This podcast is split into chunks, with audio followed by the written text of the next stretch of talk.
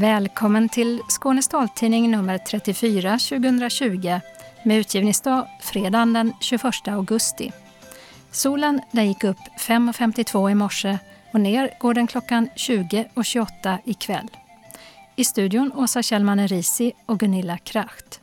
Tekniker är Martin Holmström. Och det här är innehållet. Både glädje och oro. Gymnasieeleven Milla Särne är tillbaka i en skola med många restriktioner. Regeringen föreslår höjt rutavdrag och att fler tjänster får räknas in. Nytt fordon trafikerar från och med denna veckan gatorna i Lund då och då. Vi tittar in i spårvagnen Sfinxen där en hel del gjorts för personer med funktionsnedsättning. Guldmedaljer utan konkurrens. Men friidrottarna med synnedsättning är nöjda med helgens SM-tävlingar och med att Paralympics skjutits upp. Sista delen i sommarens serie om skånska hantverk handlar om konsten att bygga korsvirkeshus utan spik. Boktips med Humleresa, biblioteksbrand och kvinnoporträtt. Öppnat och stängt med nyöppnad bokhandel och indiska möbler. Evenemangstips med Sillamarknad, svamp och syntolkad teater. Kalendern med konvent, Kristallen och klädpris. Anslagstavlan med inbjudningar och ändringar i kollektivtrafiken. Och allra sist redaktionsrutan.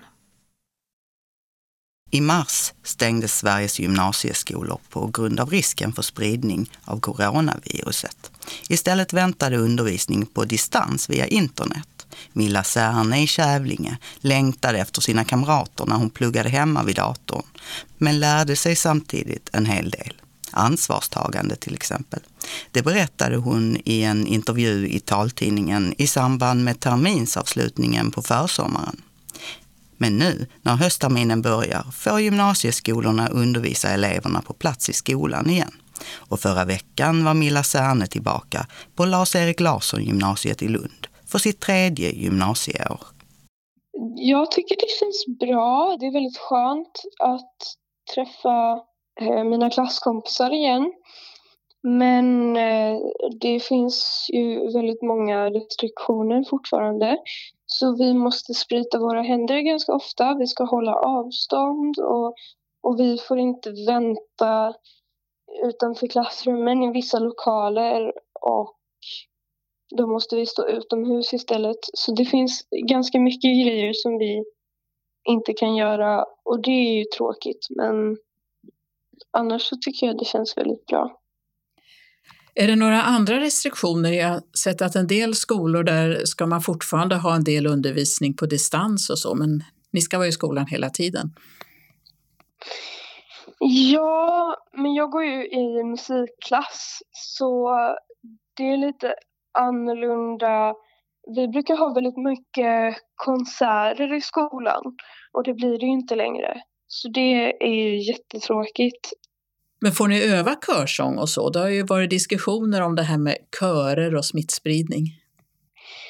Ja, vi måste hålla två meters avstånd när vi sjunger och läraren delar ut noter jag läser inte noter för jag kan inte läsa svartskrift men de andra får inte liksom skicka runt noterna mellan varandra. Så vi har liksom, de har ritat ut typ kryss på golvet som jag inte kan se men man måste liksom stå på ett kryss så har de mätt upp två meter. Men fungerar det att sjunga med så mycket avstånd mellan varandra? Hör ni liksom de andra ordentligt? Jag vet faktiskt inte för den första körlektionen vi hade, vår körledare spenderade typ 80 procent av den lektionen på att förklara alla coronarestriktioner. Så vi hann faktiskt inte sjunga någonting. Något annat som diskuteras är ju det här med lunchrasten, att det blir trängsel i matsalen. Ja, det är det också. Folk tar inte riktigt hänsyn alltid. Köerna till matsalen är eh, utomhus numera och min klass har väldigt sena luncher så det får inte vara liksom jättemånga elever i matsalen i taget. Så de har liksom eh, modifierat schemat lite så att vissa har jättetidiga luncher och andra har jättesena luncher. Så du hinner bli jättehungrig innan det är dags för lunchen? Ja. I våras då hade ju du ingen assistent när du pluggade på distans. Hur är det nu då? Mm. Jo, jag har en assistent. Jag ser ju så pass dåligt så jag kan ju inte liksom navigera mig runt i skolan själv. Så vi kan ju inte direkt hålla avstånd till varandra. Har ni munskydd eller så? Eller? Eh, nej. En annan sak är ju där att du måste ta dig till och från skolan. Hur går det? Mm. Jag åker fortfarande skoltaxi. Så det är faktiskt ganska så mycket precis som vanligt. Och där är inga coronarestriktioner? Nej, ibland så... Eh, jag, jag brukar sätta mig i baksätet så att jag inte sitter så nära chauffören. Så sammantaget då, om du jämför med hur det blir nu och hur det var förut i skolan, vad är den stora skillnaden? Det är nog det sociala, att jag träffar mina kompisar fysiskt. Jag hör hur de eh, snackar i klassrummen och det är skillnaden, känner jag. Alltså det är det, är det som jag har sett fram emot och det är liksom, ja, alltså allt tisslande och tasslande under genomgångarna liksom. Annars kunde man tänka att det skulle vara skönt att slippa tisslande och tasslande när man pluggade. Jo, jo, så kan det ju vara. Ja, det, det, är klart, man blir trött på folk ibland. Men jag tycker det är skönt när det är lite ljud omkring mig för då, då vet jag liksom att det är liv. Känner du någon som helst oro för att gå i skolan nu? Ja, det gör jag. Jag är lite orolig för att vissa inte riktigt bryr sig om eh, att ja, hålla avstånd eller att folk kommer till skolan fast de känner sig lite förkylda även om alla lärare säger liksom att nej, om, om, om ni känner er sjuka så måste ni stanna hemma. Att folk går till skolan ändå. Jag vet inte om det går någon på skolan som är i riskgrupp eller om det är någon lärare på skolan i riskgrupp. Men det är jag också orolig för att de ska bli sjuka. Men på det stora hela, du är glad nu att du har fått börja? Ja, det är så skönt med alla rutiner igen. Sa Milla Särne, som alltså är tillbaka i skolan igen. Reporter var Birgitta Fredén. Regeringen föreslår en utvidgning av rutavdraget med tjänster som till exempel tvätt vid tvättinrättning, möblering av bostad och montering av möbler, transport av bohag till andrahandsbutiker, loppis och andra ställen där de kan återanvändas. Taket för rutavdraget föreslås också höjas från dagens 50 000 kronor per år till 75 000 kronor per person och år. Förslagen som tagits fram tillsammans med Centerpartiet och Liberalerna sänds på lagrådsremiss och föreslås träda i kraft från och med kommande årsskifte. I denna veckan började provkörningarna med spårvagnen i Lund och häromdagen visades den andra av totalt sju spårvagnar upp. Vi tog oss en titt in i spårvagnen med namnet Sfinxen tillsammans med Håkan Henmyr som är projektchef från Skånetrafiken och han är nöjd med resultatet. Vi har gjort lite inspektioner och mitt team går ju och tittar efter finns det något skrapmärke här och finns det något eh, liten miss här och sådär. Och det är klart vi har hittat några småsaker men eh, vi är väldigt nöjda. Och om man tänker på hur det är om man är, inte ser och ska in i den här uh, svinksen, hur fungerar spårvagnen då? Jo, det blir så här att den ska ju stanna på ett exakt ställe vid hållplatserna. Eh, och det finns taktila stråk eh, på hållplatserna faktiskt. Det brukar bara finnas ett när man tänker bussar och sånt, men vi la till två. Så att man kommer att styras in automatiskt eh, via de plattorna som finns på plattformarna. Och då kommer man att styras direkt till två dubbeldörrar.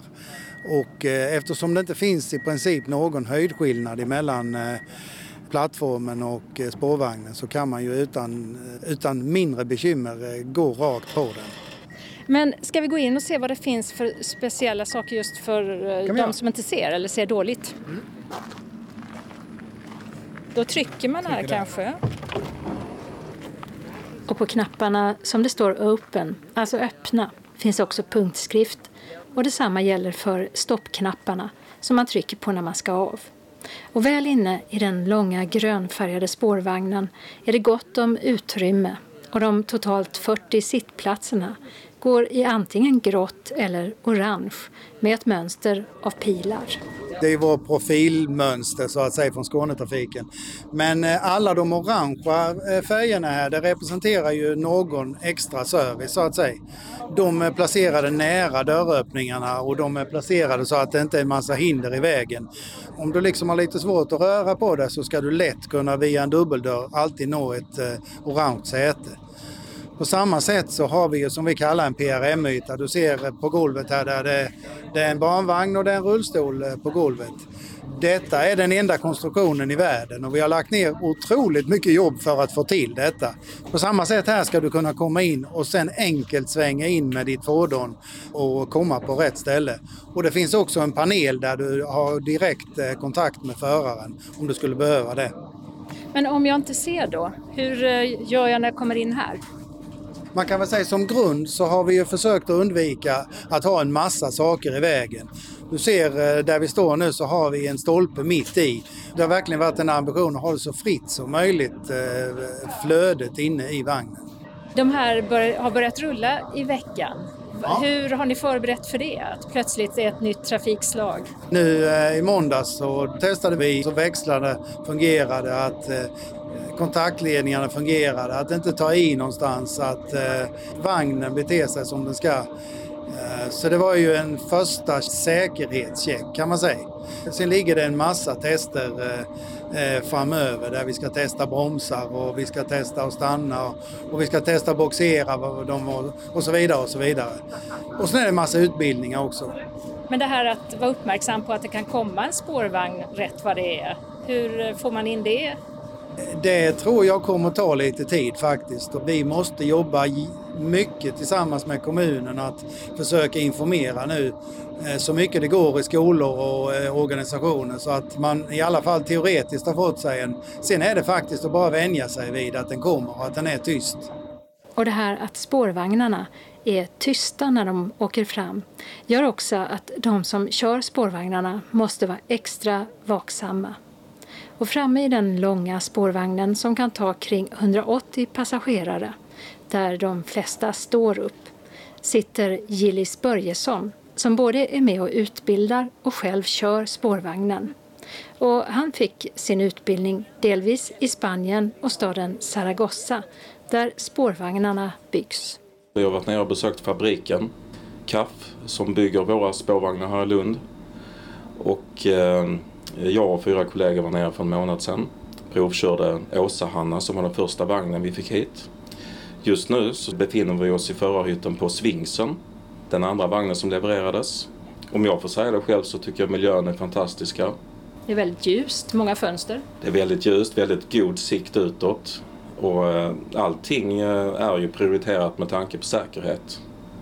Så nu när ni då börjar att testköra i Lund och folk inte är särskilt uppmärksamma på kanske att det kommer en spårvagn och det dessutom finns de som inte ser att det kommer en spårvagn. Hur, hur kommer du att tänka? Vi kommer att iaktta största försiktighet under de första månaderna här som vi är ute och testkör banan. Och eh, vi har ju även en eh, klassisk eh, vacker spårvägssignal som jag kanske kan låta ljuda här, se om vi hör den. Ja. Eh, hastigheterna kommer ju vara väldigt begränsade i början.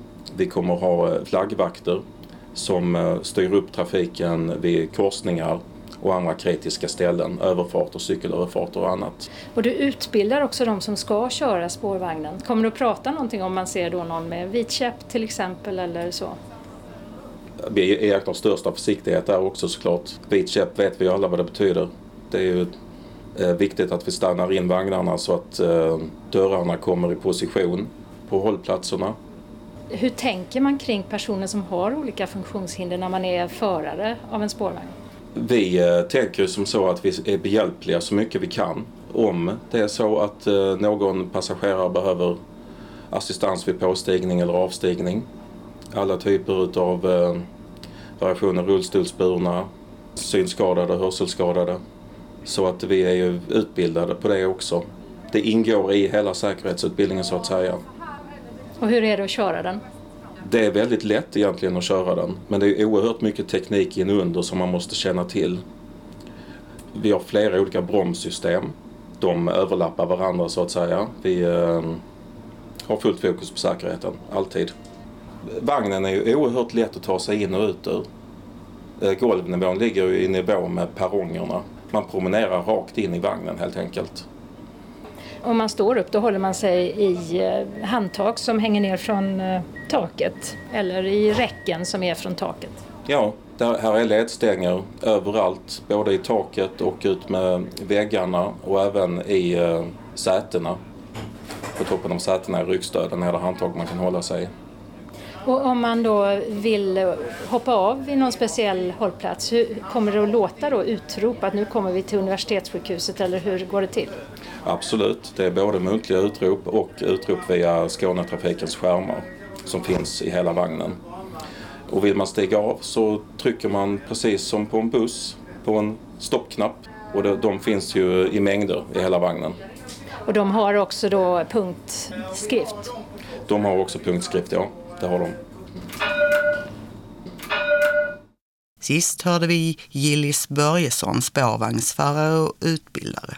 Och planerna är att den reguljära trafiken ska komma igång den 13 december på sträckan Lunds central ESS. Reporter Asa Kjellman, Erisi. Tre guld på två deltagare. Det blev resultatet för friidrottarna med synnedsättning när Svenska mästerskapen i friidrott avgjordes i Uppsala i helgen som gick. Victoria Karlsson vann längdhoppet och Olof Ryberg vann i bröderna Per och Tobias Jonssons frånvaro både längdhopp och 100 meter. De var ensamma i sina klasser och nöjda med sina resultat. Olof Ryberg satte personbästa i längd med 6,32. Ja, det stämmer bra. Eh, med eh, hela 19 centimeter, så det är jag väldigt, väldigt nöjd med.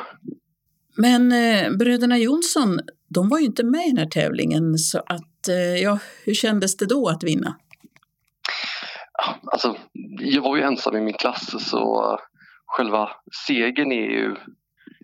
Det är väl roligt med en guldmedalj, men den är inte så, ja, inte så jättespeciell. Men man, man får se resultatet och det är ju och det är jag extremt nöjd med. Så det var ändå, det var ändå väldigt kul. 100-metersloppet då? Eh, det var bra. Vi var ju flera klasser som sprang samtidigt så blev bra utmanad där av eh, några andra. Så det var, det var riktigt roligt. Inte lika bra resultat tyvärr, men ändå bra. Olof Rybergs 100 meters tid blev 12.35. Och för Victoria Karlssons del handlade det om att överhuvudtaget kunna genomföra en tävling efter en vår och sommar med skador.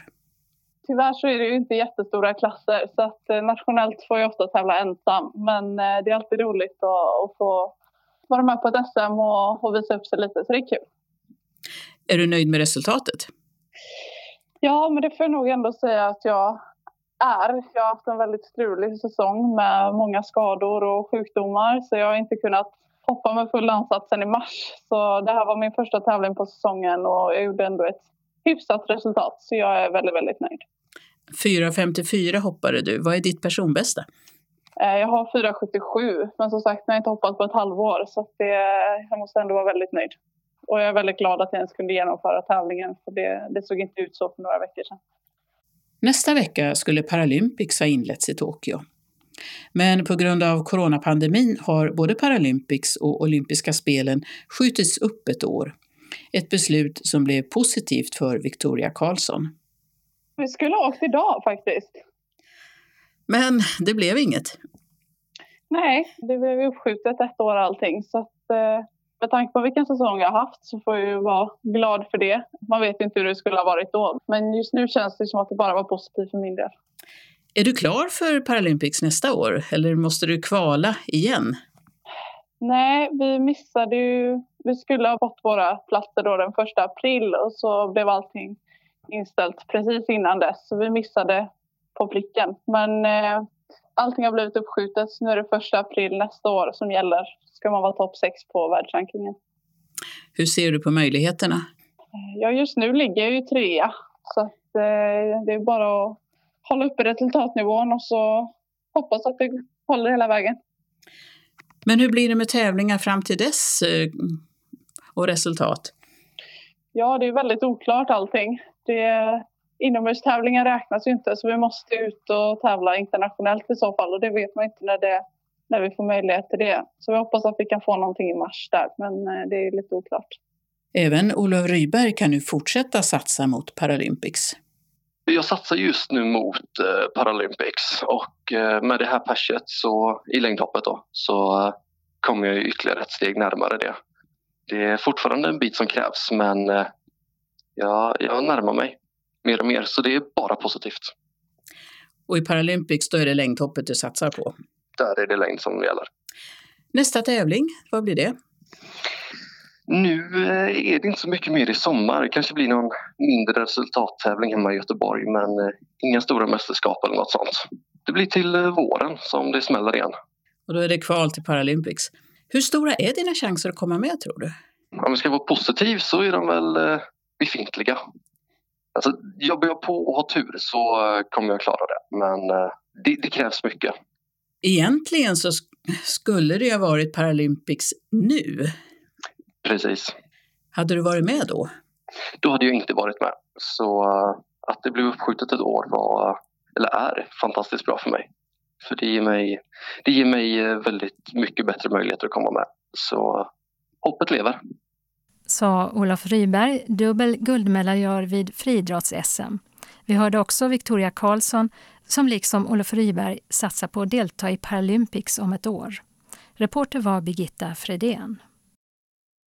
Med yxa, stämjärn, en murarslev och en såg kommer man långt. Veckans skånska hantverk kollar hur ett klassiskt skånskt korsvirkeshus kan byggas. Och man gör det på det uråldriga sättet för hand. Av naturmaterial som ohyvlat trä och lersten. Men utan spik. Vi ska till byn Östaröd som ligger på Österlen mellan Sankt Olof och havet. Där renoverar några timmermän och en murare en korsvirkeslänga som precis får en ny yttervägg. I en fönsteröppning tittar husägaren Sofie Winkvist Loggins ut. Det är ett gammalt korsvirkeshus, Skånegård, från 1849 har vi läst. Och eh, eh, när vi flyttade in här så var det sån här pizza, stucketurväggar med plastfilm på insidan lågt i tak, jättemörkt, inklädda bjälkar. Det hade genomgått en riktig 70-talsrenovering med marbodalkök hela svängen. Utifrån kan man se att det finns en murad stendel längst till vänster där vi står här på den lilla landsvägen och sen så är det en röd med vita knutar bit i mitten och sen så är det en äkta korsvirkesdel som de håller på och gör vid här. Och du står i ett fönster här. Ja, här ska det sitta ett fönster. Ja. Och det muras här. Och inuti är det fullt med stenar. Och... Lerstenar. Lerstenar. Eh, så det blir lerväggar, vilket ger ett väldigt skönt inneklimat. Mm. Och jättefina det träbjälkar i taket kan vi se här ja, också. Med massor med gamla tapeter. Ja, just det. Resten av det sitter kvar. Ja. Titta. Så när vi rev bort den här plaststuckgrejen, då upptäckte vi att det var lerväggar. Och då ville man ju självklart ta hand om dem. Och så var det många av proportionerna i huset som kändes fel. Som också kändes som att man ville restaurera det till hur det skulle vara eller hur det har varit. Och då kändes det mycket skönare att ha naturliga material. Material som andas. Där allting mår bra. Där man inte stänger in i fukt. Utan där man utgår från liksom, hur huset funkar. Här har vi Jens Ingvad, timmerman. Ja, det som stämmer. står med ett eh, stort skägg. Ja. ja. Eh, timrat är det ju här. Ja. Eh, på gammalt vis också. Ja. Även de nya delarna. Ja, Det vi har här är då ett eh, traditionellt korsvirkeshus med eh, murfack emellan stolpverket. Stolpverket det är alltså, vad ska man säga, själva korsen kan man säga. Det kan man kalla det kan man säga. Mm. Och eh, om man ska beskriva korsvirkeshus så, eh, så är det en eh, typ av konstruktion som kallas för stolpverkskonstruktion där man eh, bär takets tyngd ner i stolparna till en syll och till en stengrund. Syllen är den bjälken som är längst ner ovanpå stengrunden kan man säga då? Precis, och på skånska heter det fotträ. Ja, vi ser lite mörket träd där i den högra delen här. Och så kan man se att det ligger lite gamla verktyg här också. Och en del moderna också, men yxor står det bredvid en till exempel. Och stämjärn och klubba och såg. Det är vad man behöver för att, för att bygga. Några få handverktyg är det man har använt och klarat sig med för att bygga ett helt hus. Mm. Vad är det du har i handen där till exempel? Det är en träklubba som vi använder till att eh, slå stämjärnet för att få kraft i det. Hugga tapphål och tappar. Det är ju så att eh, de här tim timmerdelarna i korsvirket är sammanfogade med tapp och tapphål. Där man fast, sätter fast eh, tapparna i eh, tapphålen med en trädymling och, och så sitter det riktigt ordentligt. Istället för spik då till exempel? Ja, precis. Mm. Fördelen är att det blir faktiskt mycket starkare. En samling eller en skarv då emellan timmerdelarna som är trä mot trä är fantastiskt hållbar och, och stark. Bjälkarna de är ett par decimeter breda och ja, gärna i kors eh, som vi ser här också. Både vertikala och horisontella. Ett par decimeter breda och någon decimeter drygt tjock kanske. Och de ser handgjorda ut. Ja, precis. Det är ekvirke som man använt i bostadslängorna mestadels. Korta, krumma, alltså böjda bitar som man har hittat. Och eh, anledningen till att man eh, bygger i korsvirke det är ju för att det eh, är en virkesbesparande teknik där man kan använda de här traditionella skånska virkeslagen som man har. Alltså furubjälkar men eh, framförallt korta bitar som man sammanfogar till ett stolpverk. Då. Mm. Ja, längre norrut i landet, nej, Norrland, jag vet inte om det finns ett enda korsvirkeshus där. Det finns gott om skog och trä så att det var ju billigt och bra. Mm. Det var allestädes eh, tillgängligt. Men inte riktigt så här i Skåne som mer består av slätter då. Men lera finns det ju gott om också. Det var istället som man kunde ersätta träet med. Precis, så denna tekniken den springer ju ur eh, bondestenåldern eh, faktiskt till och med. Alltså när man eh, börjat eh, bygga permanenta bostäder och inte varit nomader längre. Då har man eh, jobbat med, med de materialen som man har kunnat hantera som lera och flätverk och med enkla eh, stolpkonstruktioner. Och sen har det efterhand då utvecklats till bredare, grövre trä när man har kunnat arbeta det och, och bearbeta det och eh, haft verktyg eh, till det. Framförallt kanske under bronsåldern och framåt.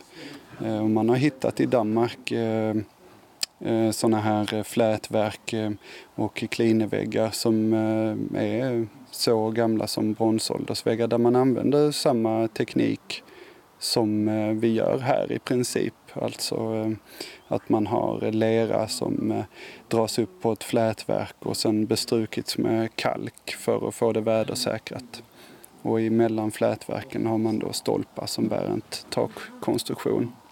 Så det är en uh, uråldrig byggnadsteknik egentligen? Ja, absolut stolpar som håller ihop allt sammans och sen kan man fylla de här facken med egentligen vad som helst. Idag har ni lerstenar var det här? Ja, precis. Asymmetriska handknackade ser de ut att vara. Ja, precis. Och det är ju något man kunde göra själv också eh, på gårdarna och slå lera i former.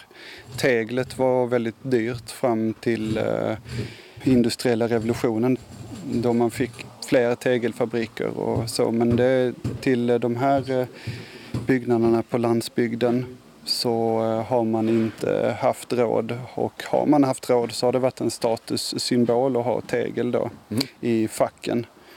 Utan där hade man ofta flätverk, lerstakar, lersten. Sen kan jag inte låta bli, eftersom du är timmerman, där fråga om yxan som du har vid din fot där. Ja, precis. Det är en huggyxa vi använder och snickrar med. Så när vi eh, hugger ut eh, tappar hugger vi fram dem med, med yxa. Det är mest effektivt nästan att kunna använda sig av handverktyg och platsbygga de lagningsbitar som, som ska göras. Och, eh, det är faktiskt väldigt rationellt att bygga på detta sättet med handverktyg. Timmerman, det är din eh, titel och det är också en akademisk utbildning, ja, berättade innan.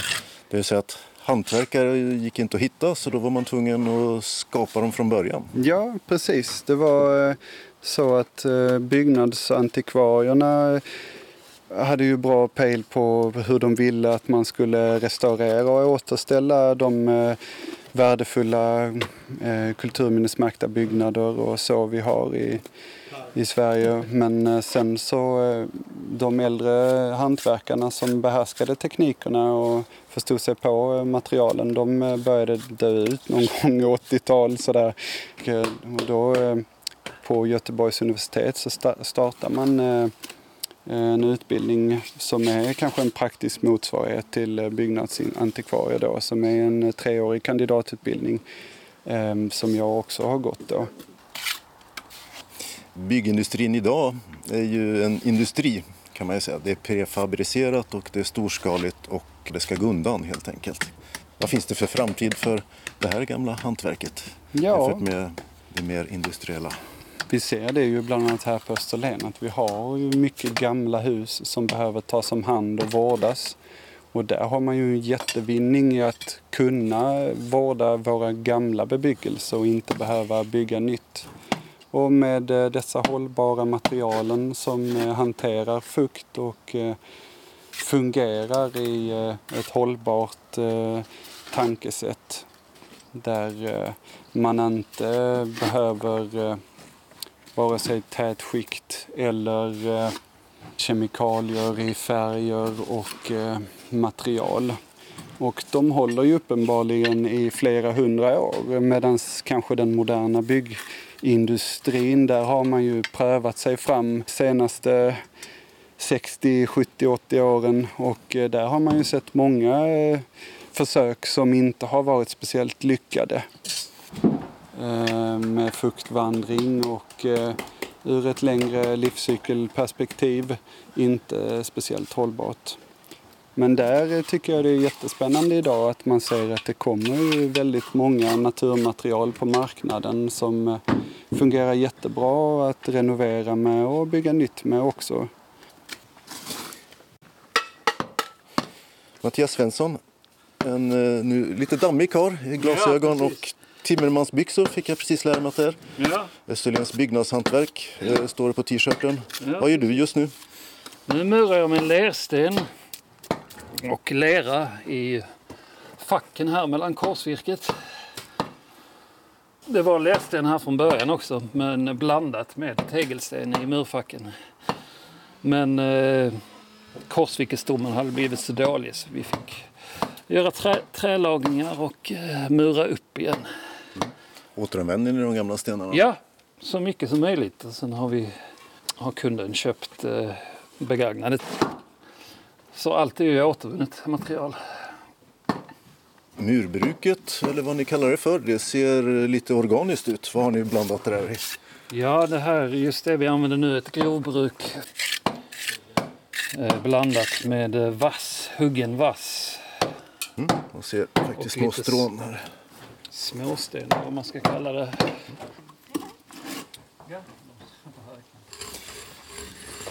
Får jag fråga? Ja. En tjej Hejsan. i blont hår som sitter på knä här. Och eh, vad heter du? Jag heter Sonja Anshelm. Jag eh, eh håller på att byta fotträet eh, på den här korsvirkeshuset. Det har blivit ruttet rakt igenom och sprött. Mm. Det mesta har varit bra, men där det har legat fukt för länge, där har det blivit rötskadat. Och då blir det så här fnösigt att det bara är att pilla bort det med fingrarna. Mm. Ja, det går ja. Mm. Så eh, jag ska inte ta bort hela eh, tremetersbiten.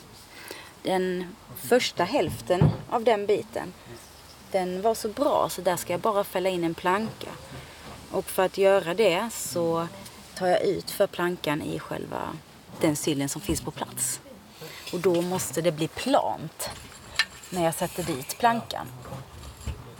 Jag tycker det är fascinerande hur man kan ta bort någonting som är till, alltså, längst ner på ett hus, alltså ovanpå själva stengrunden, själva Mm. grundplankan, Ja. utan att hela huset faller ihop.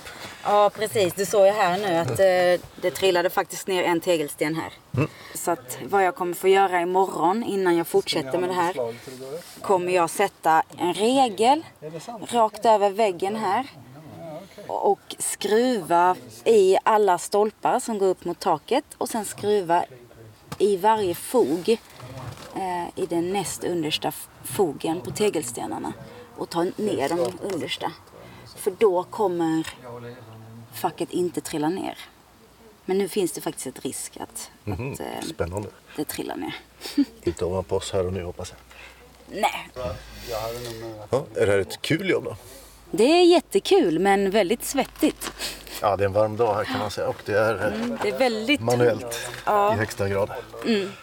Men det är ju också det som är så fint att man behöver inte så mycket verktyg för att eh, laga sitt hus. Man behöver bara kunskapen.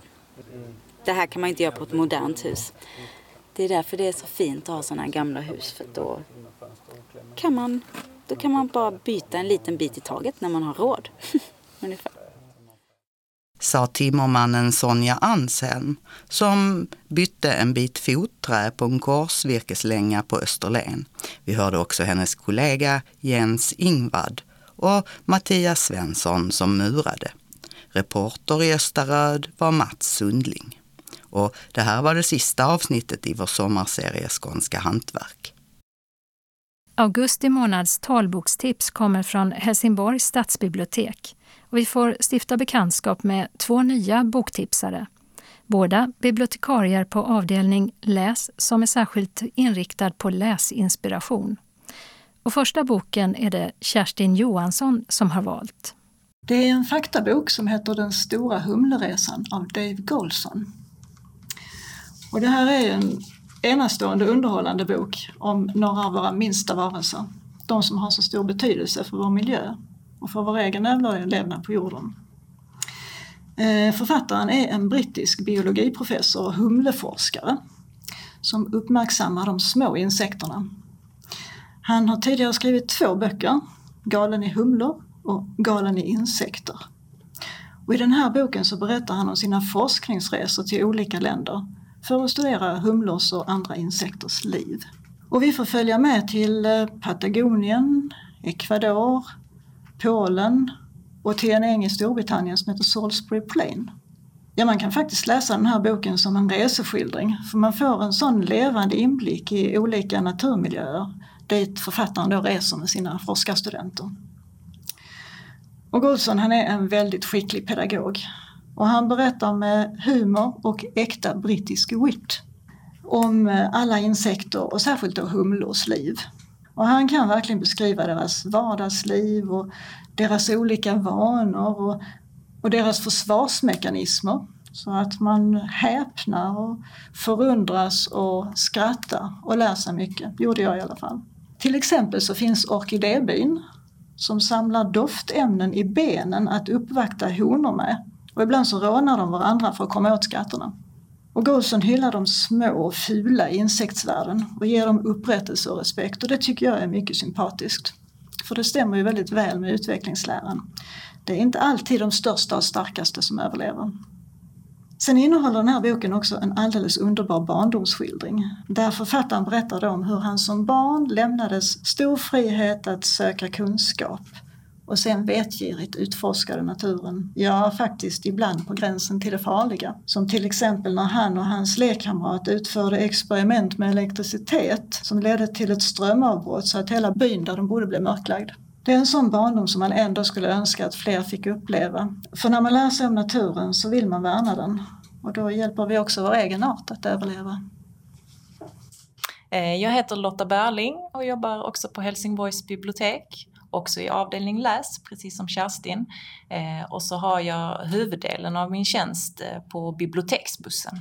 Jag vill tipsa om eh, böckerna om Olive Kittredge. De är skrivna av Elizabeth Strout och det är verkligen en av mina absoluta favoritförfattare. Så den allra första boken jag läste av henne var just Olive Kittredge och det var 2015 och det var den bästa boken jag läste det året. Så jag köpte den ju även till min mamma. Eh, och hon berättade sen för mig att hon gjorde något som hon aldrig hade gjort tidigare under hela sitt långa liv av läsande. Och det var att så fort hon hade läst sista sidan i den här boken så började hon om från början. Eh, och jag tror det är för att det är någonting med Elisabeth Strouts språk och hennes förmåga att skildra människor och relationer eh, hon skriver fram sina karaktärer med sån ömsinthet och hon har en helt enastående förmåga att skildra mänskligt samspel och hur komplexa vi är. Så att jag har såklart läst alla böcker som har kommit på svenska efter det. Eh, och de har allihop varit otroligt fina läsupplevelser. Eh, och så i april i år kom äntligen den efterlängtade uppföljaren till Olive Kittredge och den heter Olive igen. Eh, de här böckerna de handlar om Olive förstås. Hon är en pensionerad lärarinna i det fiktiva kustsamhället Crosby i Maine i nordvästra USA. Och hon är verkligen en oförglömlig karaktär. Hon känns så genuint äkta och mänsklig med alla sina förtjänster och tillkortakommanden. Hon är väldigt tvär och burdus och hon är så långt ifrån tillrättalagd som man kan komma. Hon säger vad hon tycker och tänker utan att linda in det och det kan såklart leda till väldigt obekväma situationer och även att hon sårar människor. Eh, men hon är också varmhjärtad och klok och jag tycker också att hennes ärlighet är väldigt uppfriskande. Eh, för att det är ju lite som hennes andra man Jack tänker i början av deras relation. Att antingen visste folk inte vad de tyckte om något eller också valde de att aldrig säga vad de egentligen tyckte om något. Och det var därför han saknade Olive Kittredge. Eh, så det handlar om Olive, men böckerna är uppbyggda med en lite speciell berättarteknik där varje kapitel är som en egen novell. Så ibland är Olive huvudperson, men ibland befinner hon sig mer i utkanten av berättelsen. Så därför handlar det också om Olives familj och om människorna omkring dem i det här samhället och deras ofta ganska såriga livshistorier. Och tillsammans så bildar det här en väldigt fin helhet. Och jag tycker att berättarstilen och tonen påminner en del om Alice Munros novellkonst.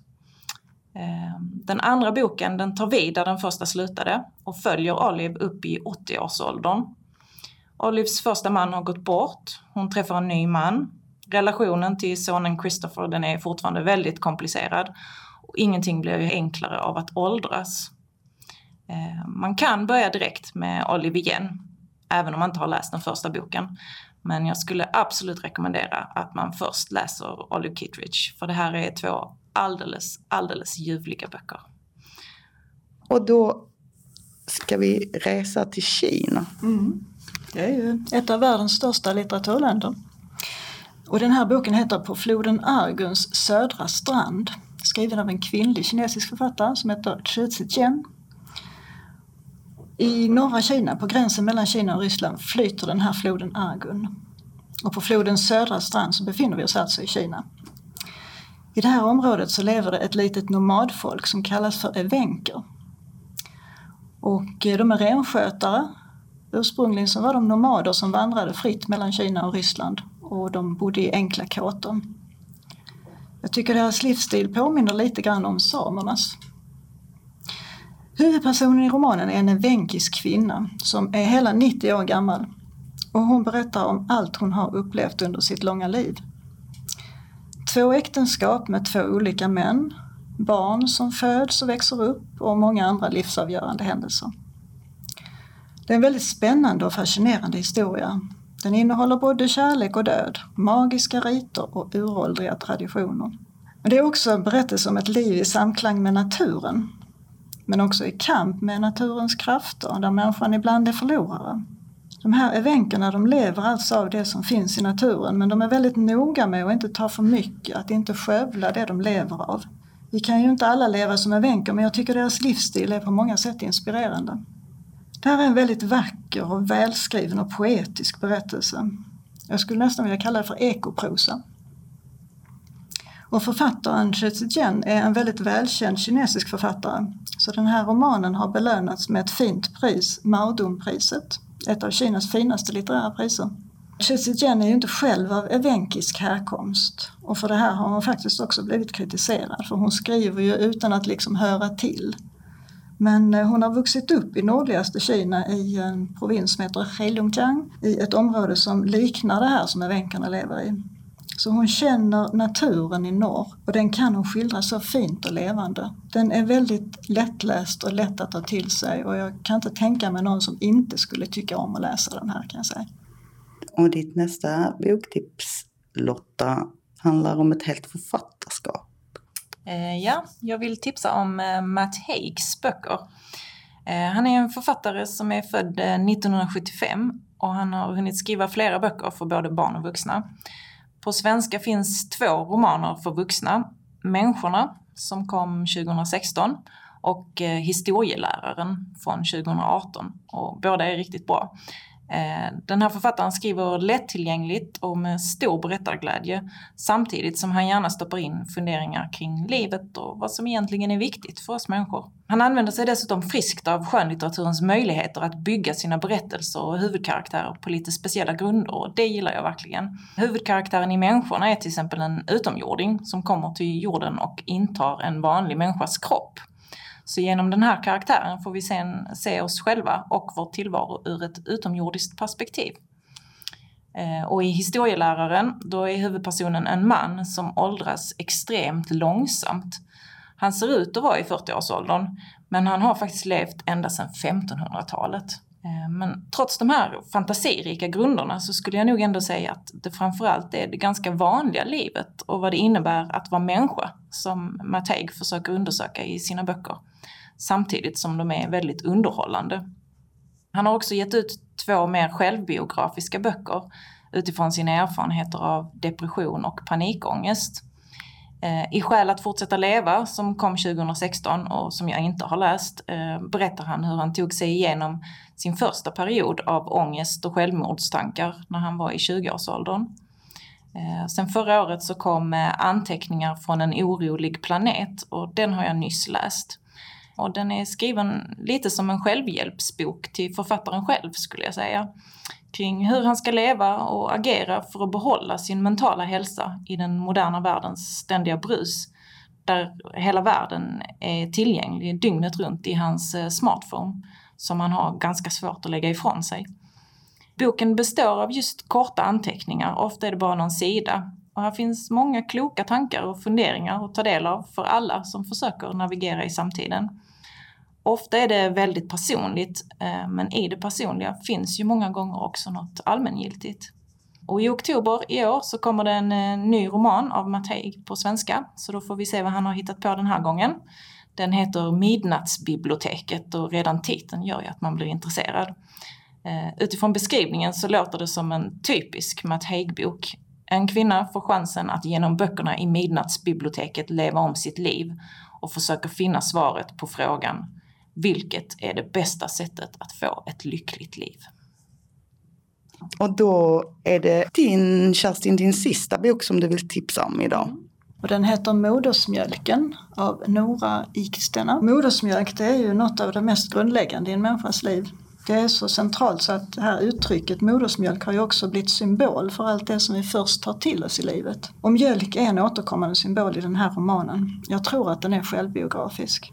Nora Ikstena hon skildrar en flicka och hennes mamma i ett Lettland ockuperat av Sovjetunionen. Mamman är född 1944 och dottern 1969 och så berättar de då växelvis i romanen.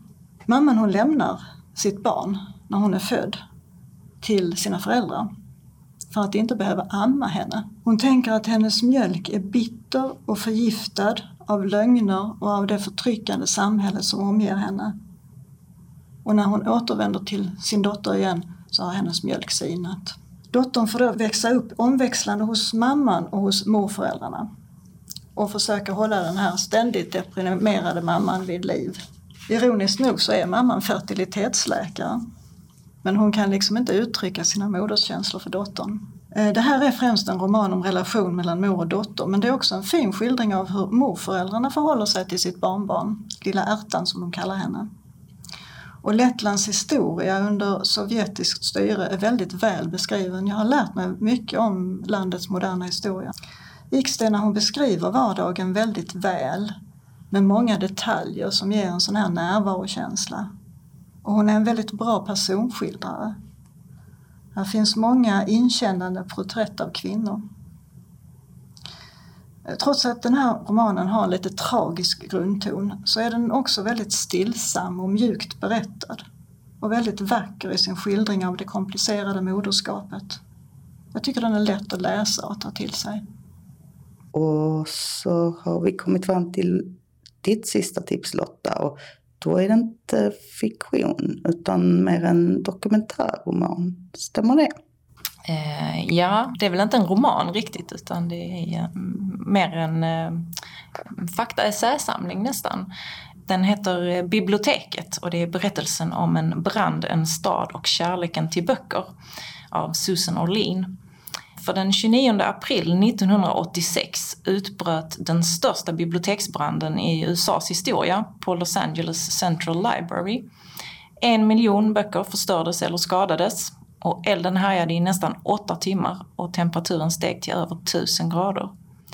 Eh, och när journalisten Susan Orlin får höra talas om branden 30 år senare när hon besöker det här biblioteket så tycker hon att det är märkligt att hon inte alls har känt till den tidigare.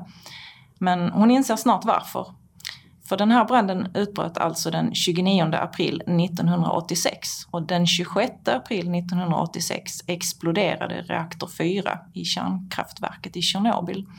Vilket ju först hemlighölls av Sovjet men som sen såklart helt dominerade nyhetsrapporteringen vid den här tiden. Eh, men nu blir i alla fall Susan Orlin väldigt intresserad av branden och biblioteket och dess historia. Och hon börjar göra omfattande efterforskningar som sen blir den här boken. Så berättelsen tar sin början med Harry Peak, en misslyckad skådespelare och mytoman som blir misstänkt för att ha anlagt branden. Susan Orlin intervjuar hans släktingar och bekanta och hon fördjupar sig även i brottsutredningen. Hon skriver fram ett väldigt målande porträtt av en udda figur som kanske kanske inte låg bakom den här förödande branden. Eh, hon intervjuar också brandexperter och beskriver hela brandförloppet väldigt ingående och detaljerat och faktaspäckat. Eh, hon skriver också om hur hela lokalsamhället slöt upp för att hjälpa till och om eh, sorgen och bedrövelsen efter branden, inte minst bland de biblioteksanställda. Men sen så vindlar berättelsen vidare, fram och tillbaka i tiden genom nästan 400 sidor av brokiga karaktärer och händelser knutna till biblioteket.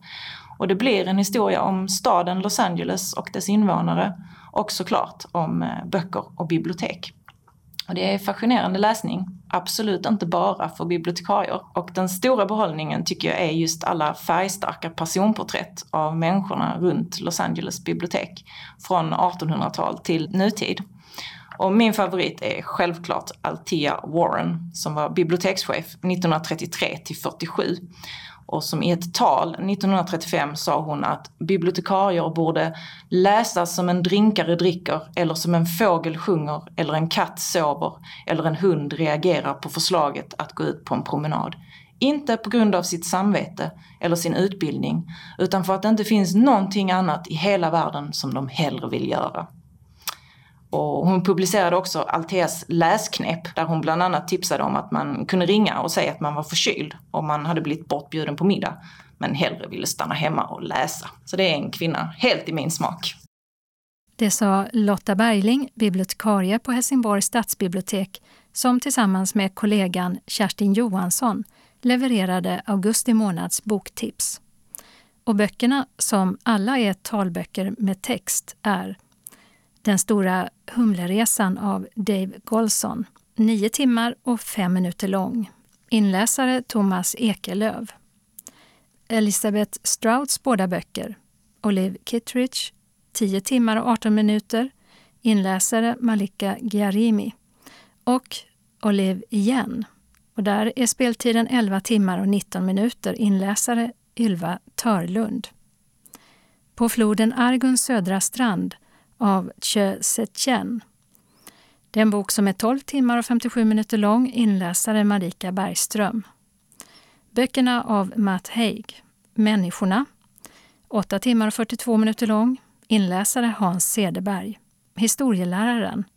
12 timmar. Inläsare David Zetterstad. Skäl att fortsätta leva. 5 timmar och 26 minuter lång. Inläsare Peter Mattsson. Anteckningar från en orolig planet. 7 timmar och 20 minuter. Och inläsare är Magnus Demitz Helin. Modersmjölken av Nora Ikstena. 7 timmar och 25 minuter lång. Inläsare Bodil Kar Granlid. Och slutligen Biblioteket av Susan Orlin. 13 timmar och 24 minuter. Och inläsare är Bodil Kar Granlid även här. Och det var Gunilla Kraft som hade varit i Helsingborg. Öppnat och stängt. Simrishamns bokhandel har öppnat. Tidigare i år gick Bokvaruhuset i konkurs men nu har investerare gått in med pengar som gör att den kan öppna igen, men nu med namnet Simrishamns bokhandel. Åhus Guldsmedja har stängt efter 41 år i branschen eftersom ägarna gått i pension. I Malmö har Klågerups chark på Klågerupsvägen 260 öppnat igen i ny regi efter att ha varit stängt för renovering. Klippan har fått en paddelhall för den populära racketsporten. Den ligger på Åbytorps industriområde. I Södra Mellbys gamla skola har öppnat en butik med namnet Jodhpur som säljer indiska möbler, textilier och annan inredning. Evenemangstips. Den 15 Sillamarknaden i Barsebäckshamn öppnar den 22 augusti, men enbart i digital form. Det populära evenemanget som istället för att hållas en dag i fysisk form kan istället besökas under två veckors tid på hemsidan som tillhör Lions i Lödde. Adressen är lionslodde.se. Hörby FFs årliga loppmarknad som skulle ha varit nu på lördag är inställd. Men istället håller föreningen Klubbstugan på Idrottsgatan 2 och Parkgatan 22 öppen för loppis lördagar. Med start 22 augusti och sen varje lördag till och med den 26 september mellan klockan 10 och 14 finns det möjlighet att göra fynd bland tusentals prylar som skänkts till föreningen. Humlescenen i Bromölla öppnar för konserter igen efter att ha varit coronastängt sedan i våras. Lördagen den 22 augusti är det dags för säsongsupptakt med Susanne Flink och Jonas Samuelsson från Malmö Operas kör som serverar smakprov ur höstens repertoar och lottar ut gratisbiljetter. Klockan 14 börjar det och inträdet är fritt. 12 oktober klockan 19 är det dags för nästa arrangemang som är Riksteaterns uppsättning av Linnea Axelssons Augustprisbelönade bok Eddan om tre generationers samiska kvinnor och biljetter till den kostar 150 kronor. 18 oktober gästar scenen av Malmö Opera som framför Cosi fan tutti, Mozarts klassiska opera, men i en modern tappning. Biljetter till den kostar 200 kronor. Den 7 november finns möjlighet att se Bröllopstårtan. Det är en komedi med Kajsa Ernst i huvudrollen och även denna gång kostar det 200 kronor. Biljetter till samtliga arrangemang finns hos Kulturpunkten i Bromölla. Men för gratisbiljetterna till upptaktsshowen kontaktas Gerdi Olsson Ekstrand på telefon 0733 14 94 20. Bröllopsmusik är temat för en lunchkonsert i Sankta Maria kyrka i Helsingborg den 26 augusti 12 till 13. Organist är Maria Nielsen och det är fri entré. Pop-up-musik blir det i Trelleborg den 29 augusti. Mellan klockan 12 och 16 rör sig Allsångståget, 60-talsbussen, musikbåten och palmtåget runt längs olika slingor i stadskärnan. Det är en slags tröst som kommunen bjuder på för alla som sörjer den på grund av pandemin inställda Palmfestivalen. Konsert på Ribersborgs kallbadhus blir det den 4 september med Saxell, Jalle och bandet. Det är alltså Mikael Saxell, han som skrivit den skånska nationalhymnen När en flicka talar skånska och Jalle Lorentzon, munspelare i bandet Wilmer X, som uppträder tillsammans med Thomas Holst på bas och bröderna Sam och Peter Antonsson på trummor respektive gitarr. Det börjar klockan 19. Kulturcentralen säljer biljetterna som kostar 220 kronor och det finns ett fåtal platser kvar. Svampens dag firas på Naturum Vattenriket i Kristianstad den 6 september mellan 12 och 16 och det är gratis inträde. På Malmö stadsteater och Intiman ges i höst pjäsen Halva månen som är en kärleksberättelse på tema tid av den tyske dramatikern Roland Schimmelfennig. Han är väldigt i ropet just nu och har skrivit stycket direkt för Malmö stadsteaters ensemble. Han står även för regin. Den 30 september klockan 19 ges föreställningen med syntolkning. Biljetterna kostar 250 kronor och ledsagare går gratis. Betlehem Isak, dotter till den svensk-eritreanske journalisten David Isak, som suttit fängslad utan rättegång i Eritrea sedan 2001 kommer till biblioteket i Landskrona för att prata om sin bok Mitt liv utan dig, som handlar om hennes pappa. Den 6 oktober klockan 18. Det är gratis och för mer information går det att kontakta biblioteket som har 0418 47 35 00. Biljettinformation. Kulturcentralen 040 10 30 20.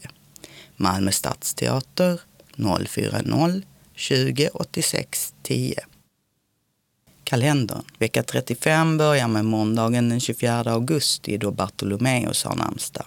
I staden Charlotte i North Carolina i USA inleds Republikanernas kraftigt nedbantade partikonvent som hålls stängt för press och allmänhet, förutom vissa programpunkter som livestreamas via internet.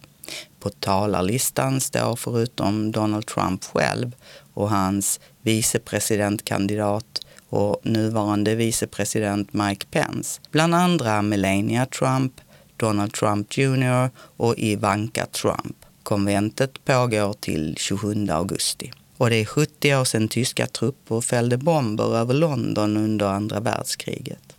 Vilket ledde till att Storbritanniens dåvarande premiärminister Winston Churchill som hämnd lät det brittiska flygvapnet bomba Berlin två dagar senare. Tisdagen den 25 augusti är det Lovisa och Louise som har namnsdag.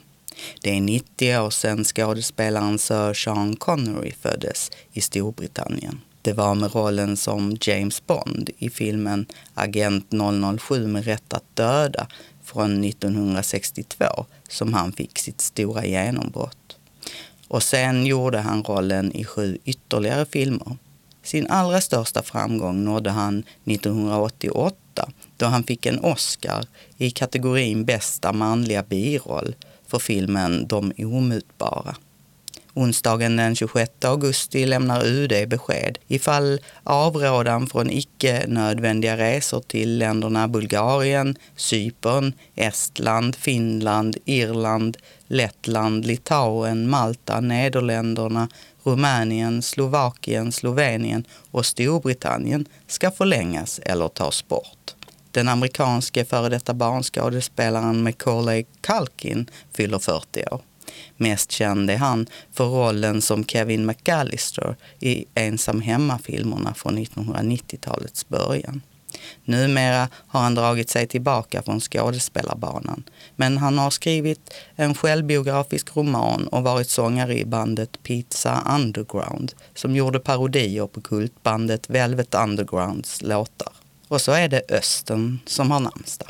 Torsdagen den 27 augusti heter namnsdagsbarnen Rolf och Raul. Och det är 15 år sedan Nordens högsta byggnad, den 190 meter höga Turning Torso, invigdes i Västra hamnen i Malmö. Den är ritad av spanjoren Santiago Calatrava och har 55 våningar. Malmö FF spelar sin första match i kvalet till Europa League på hemmaplan mot MKS Krakowia från Polen. I TV4 sänds 2020 års Kristallengala med Petra Mede som kvällens värd. En jury utser vinnare bland nominerade i 16 olika kategorier.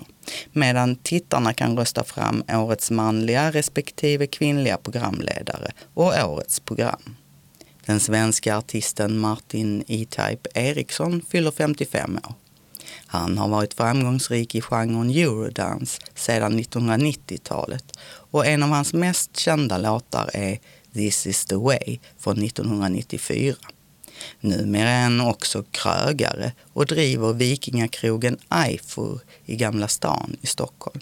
Fredagen den 28 augusti har Fatima och Leila namnsdag och tågtrafiken mellan Malmö och Lund, som varit inställd i en vecka, ska enligt planerna börja rulla igen. Den kanadensiska musikern Shania Twain fyller 55. Hon räknas som den bäst säljande kvinnliga countryartisten genom tiderna och hennes album Come On Over från slutet av 1990-talet har sålts i mer än 40 miljoner exemplar. Lördagen den 29 augusti är det 15 år sedan orkanen Katrina nådde fastlandet i USA och orsakade en extrem förödelse. Bland annat dränktes staden New Orleans till 80 procent. Katrina beräknas ha orsakat skador för minst 200 miljoner dollar totalt och omkring en miljon människor tros ha blivit hemlösa.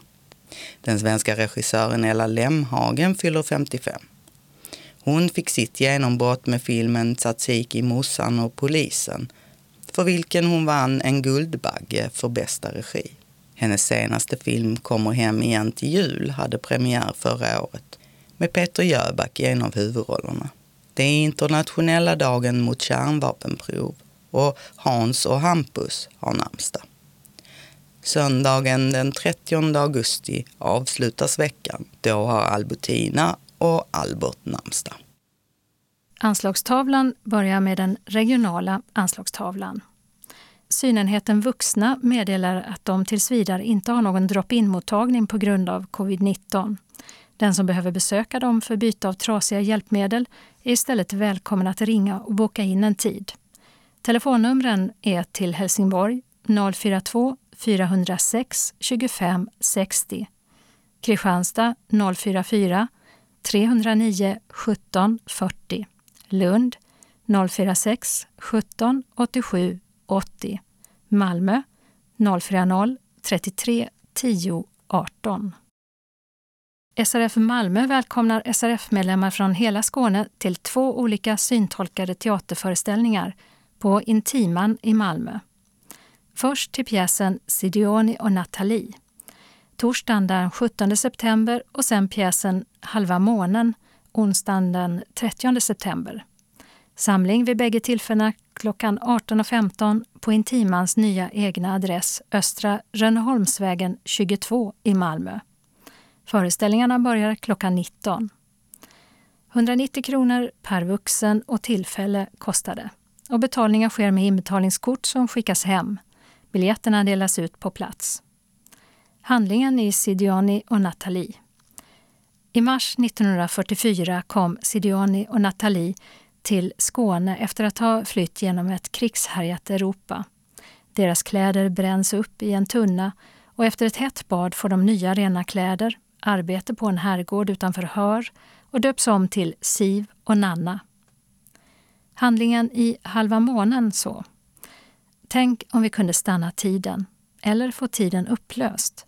När vi är kära och förälskade kan det kännas som att tiden just står stilla. Det är bara nuet som betyder något. Den tyske dramatikern Roland Schimpelpfennig har skrivit och regisserat pjäsen direkt för Intiman. Och vi har förbokat ett antal biljetter. Medlemmar från andra delar av Skåne är också välkomna. Reseersättning utgår från SRF Skåne för resor utanför Malmö när kvittot har sänts in inom tre månader. Anmäl dig till SRF Malmös kansli på 040-25 05 40 eller info srfmalmo.se senast onsdagen den 26 augusti och berätta då om du behöver lur och eller ledsagning. Om ni skulle ha frågor innan föreställningen kan ni ringa Maj-Britt Ryman 070-324 66 09. Hjärtligt välkomna önskar styrelsen. Så till den lokala anslagstavlan och vi börjar med en inbjudan från SRF Lundabygden. Och det är en kallelse till extra årsmöte lördagen den 5 september klockan 13 till 14.30 på föreningens kansli, Tordönsvägen 4 i, i Lund. Det är dags att avsluta året 2019 och det gör vi på det extra årsmötet med de styrelseval samt ersättare till SRF Skånes representantskapsmöten som inte blev klara vid ordinarie årsmötet den 23 mars. Till förhandlingsledare har vi bjudit in Per-Arne Andersson från SRF Skåne. Mötet kommer att arrangeras som ett telefonmöte och man kan även delta från kansliet. Vid din anmälan till mötet vill vi veta om du deltar via telefonkontakt eller kommer till kansliet. Sista anmälningsdag den 28 augusti. Komplett material och koder för telefonsammanträdet skickas ut efter anmälan den 28 augusti. SRF Lundabygden bjuder in till kolonivandring måndagen den 31 augusti. Dags igen för promenadskorna med en liten rundvandring i närliggande koloniområdet Västra Sommarstaden där Conny guidar oss under eftermiddagen från 13.30 till 16. Adressen är Maskinvägen 6. Vi promenerar i stilla takt och njuter av den frodiga sensommaren. Kaffe och kaka kommer också serveras. Din avgift blir som vanligt 20 kronor och anmälan senast den 28 augusti till kansliet. På telefon 046 211 06 74 eller e-post srfkansli.lundabygden bredband.net. SRF Lundabygden har kommit med sitt studieprogram för hösten 2020. Verksamheten bedriver de tillsammans med ABF Mittskåne och de hoppas att det ska få dig att inspireras att lära dig något. Och om du skulle känna för att gå en cirkel som inte finns i programmet så kan du ta kontakt med ABFs Jeanette Olsson på telefon 046 211 80 24. Bokcirkeln som redan är igång kommer att fortsätta och vi planerar att starta ytterligare en under hösten. Du får chans att studera den författare och bok som du är intresserad av samt dela med dig av dina kunskaper. Beroende på vilka som anmäler intresse försöker vi sätta samman en grupp som själva styr när de vill träffas.